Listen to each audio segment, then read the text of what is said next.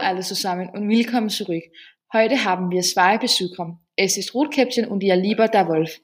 Wollt ihr euch präsentieren? Hallo, altså ich heiße Rotkäppchen und ich liebe die Farbe Rot, weil Rot ist sehr sexy. Hallo, ich nenne der Wolf. Wo haben ihr uns gefunden? Er hat meine Großmutter gegessen.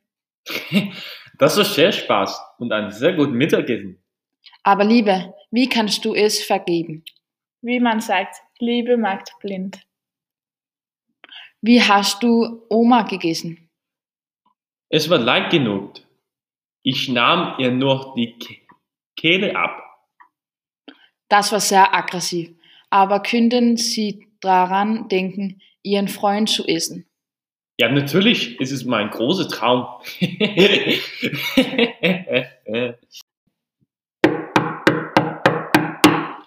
Polizei, mag auf, jetzt der Wolf ist fangt und ihr sind rettet. oh, shit! Vielen Dank, unser Held. Und das war es für meinen Podcast.